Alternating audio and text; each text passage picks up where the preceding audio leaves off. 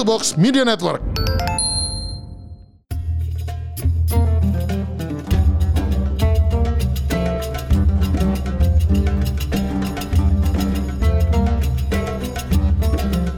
Assalamualaikum warahmatullahi wabarakatuh.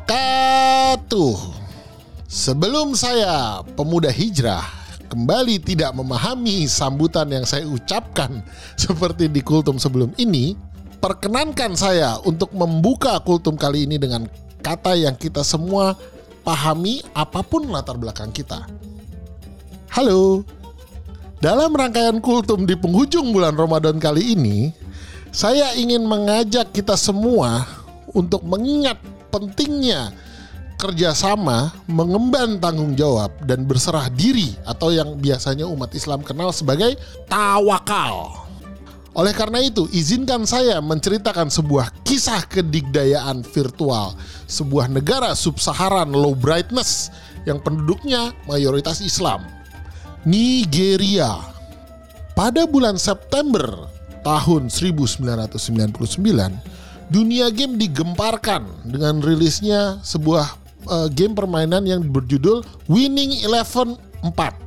Sebuah game sepak bola yang dimainkan oleh hampir seluruh lapisan rakyat kecuali wakil rakyat yang tentunya pada saat itu sedang sibuk mencari cuan di masa awal reformasi. Nauzubillahimin zalik. Semoga kita semua selalu diberikan jalan untuk mendapatkan rezeki agar kita tidak perlu menjadi anggota dewan. Seperti Andre. Pendengar Gamebot yang dimuliakan Allah. Di Winning Eleven 4, kita semua tahu kalau awalnya Nigeria di atas kertas bukanlah negara yang diunggulkan.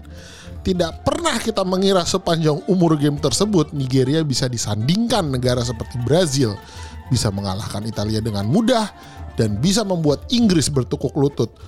Mahabrokan Konami dan segala pertimbangannya dalam meningkatkan kasta elang Afrika. Seperti yang saya telah ucapkan sebelumnya, dari kiprah Nigeria mengimbangi negara-negara adidaya sepak bola secara virtual, kita bisa memetik beberapa pelajaran. Yang pertama adalah kerjasama. Di dalam Al-Quran, khususnya penggalan dari surat Al-Maidah ayat 2 yang berbunyi, wa ta'awanu alal birri wa taqwa wa la ta'awanu alal ismi wal udwani wa innallaha syadidul iqab. Yang artinya, dan tolong menolonglah kamu dalam mengerjakan kebajikan dan takwa, dan jangan tolong menolong dalam berbuat dosa dan pelanggaran dan bertakwalah kamu kepada Allah. Sesungguhnya Allah amat berat siksanya.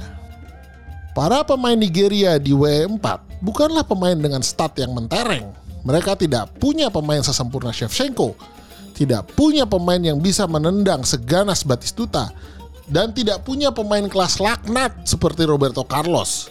Yang kalau ditaruh jadi striker, maka niscaya darah dari pemainnya jadi halal di rental. Nigeria memiliki pemain yang cukup di posisi yang tepat.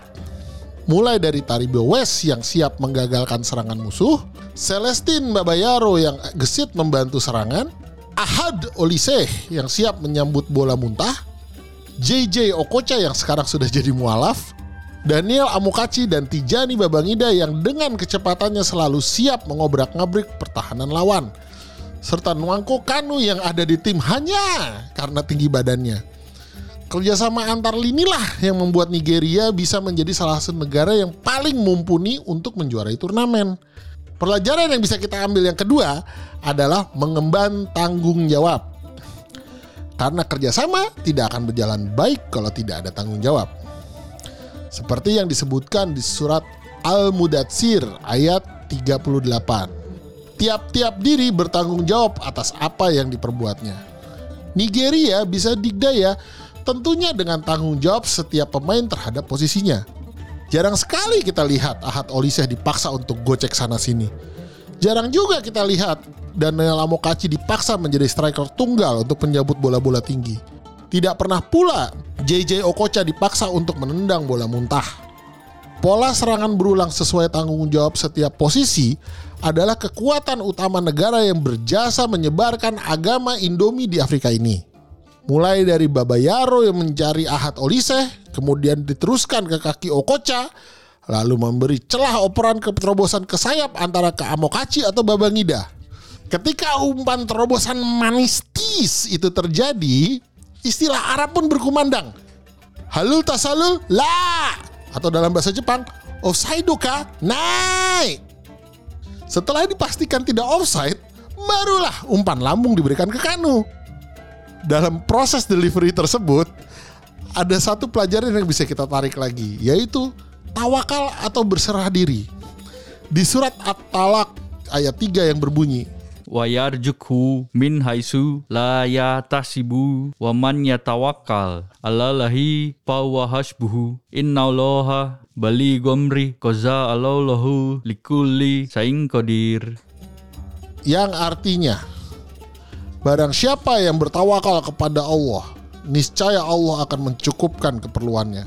Sesungguhnya Allah melaksanakan urusan yang dikehendakinya. Sesungguhnya Allah mengadakan ketentuan bagi tiap-tiap sesuatu. Seperti kita ketahui, kemampuan mengumpan amokaci dan babagida sangat terbatas. Begitu juga dengan sundulan kanu. Namun keterbatasan itu tentunya dapat dihadapi dengan berserah diri ke Allah Subhanahu wa taala umpan-umpan insya Allah dari Amokachi dan Babangida yang tentunya insya Allah sampai ke kepala 32 bit Kanu dan melahirkan gol. Kalaupun tidak gol, tidak perlu disesali karena yang penting sudah berusaha. Dan kalau main pakai Nigeria, pasti kesempatan akan datang berkali-kali sampai lawan kita jadi frustasi. Para pendengar Gamebot yang dimuliakan Allah Subhanahu wa taala. Dari kultum kali ini, saya juga berharap para pendengar sekalian semakin memahami pentingnya kerjasama dan tanggung jawab. Semoga kita semua juga semakin menyadari bahwa dalam kehidupan manusia hanya bisa berikhtiar. Sisanya terserah Allah dan Konami. Kita juga tidak perlu takut untuk menjadi mediocre selama kita menemukan posisi dan rekan yang tepat. Niscaya kita akan dijauhi dari godaan wancu yang terkutuk. Demikian kultum dari Gamebot. Wassalamualaikum warahmatullahi wabarakatuh.